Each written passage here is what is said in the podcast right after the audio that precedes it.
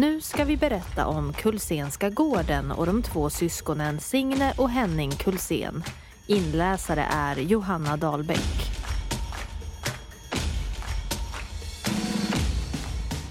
Klockan är fem på morgonen. Signe Kulsen är redan ute och sopar framför huset i hörnet vid Kaggensgatan, Norra Långgatan, också känt som Kulsenska gården. Ännu är det fortfarande mörkt men gatlamporna lyser upp i väntan på morgonljuset. I det här huset bor Signe och hennes bror Henning och det har de gjort ända sedan de var barn och far deras köpte huset. Ovanvåningen är privat. Där får ingen annan människa komma in. Och på undervåningen driver de varsin affär. Det har de gjort länge. Pappershandeln, som numera är Signes ansvar, har länge funnits i familjen. Och Henning har sitt antikvariat, dörren mitt emot. Frågan är, hur länge till kommer de att kunna göra det?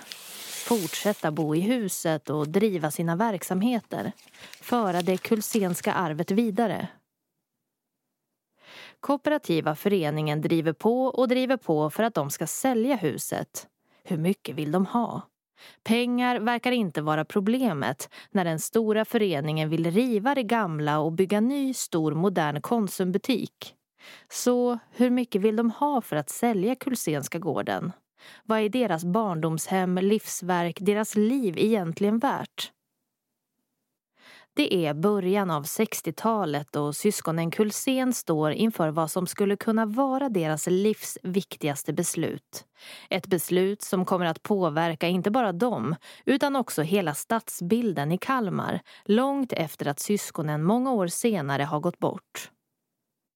Allt handlar om det här gamla huset, Kulsenska gården. En välbevarad handelsgård från 1700-talet som syskonens pappa köpte i slutet av 1800-talet.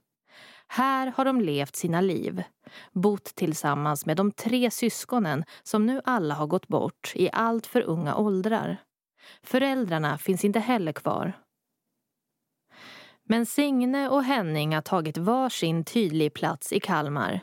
Signe, den lite buttra kvinnan i kostym med basken på sne som kör ut barnen som tittar för länge i bokmärksalbumen.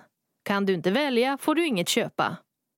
Henning som varje sommar reser runt i Europa för att semestra, hitta nya böcker, frimärken och mynt till antikvariatet.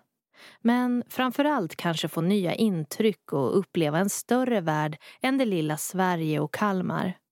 Se det Europa som under 1900-talet utsätts för så mycket påfrestningar och förändringar. Berätta om det för systern hemma vid genom alla vykort han skickar. Men världen förändras också hemma vid.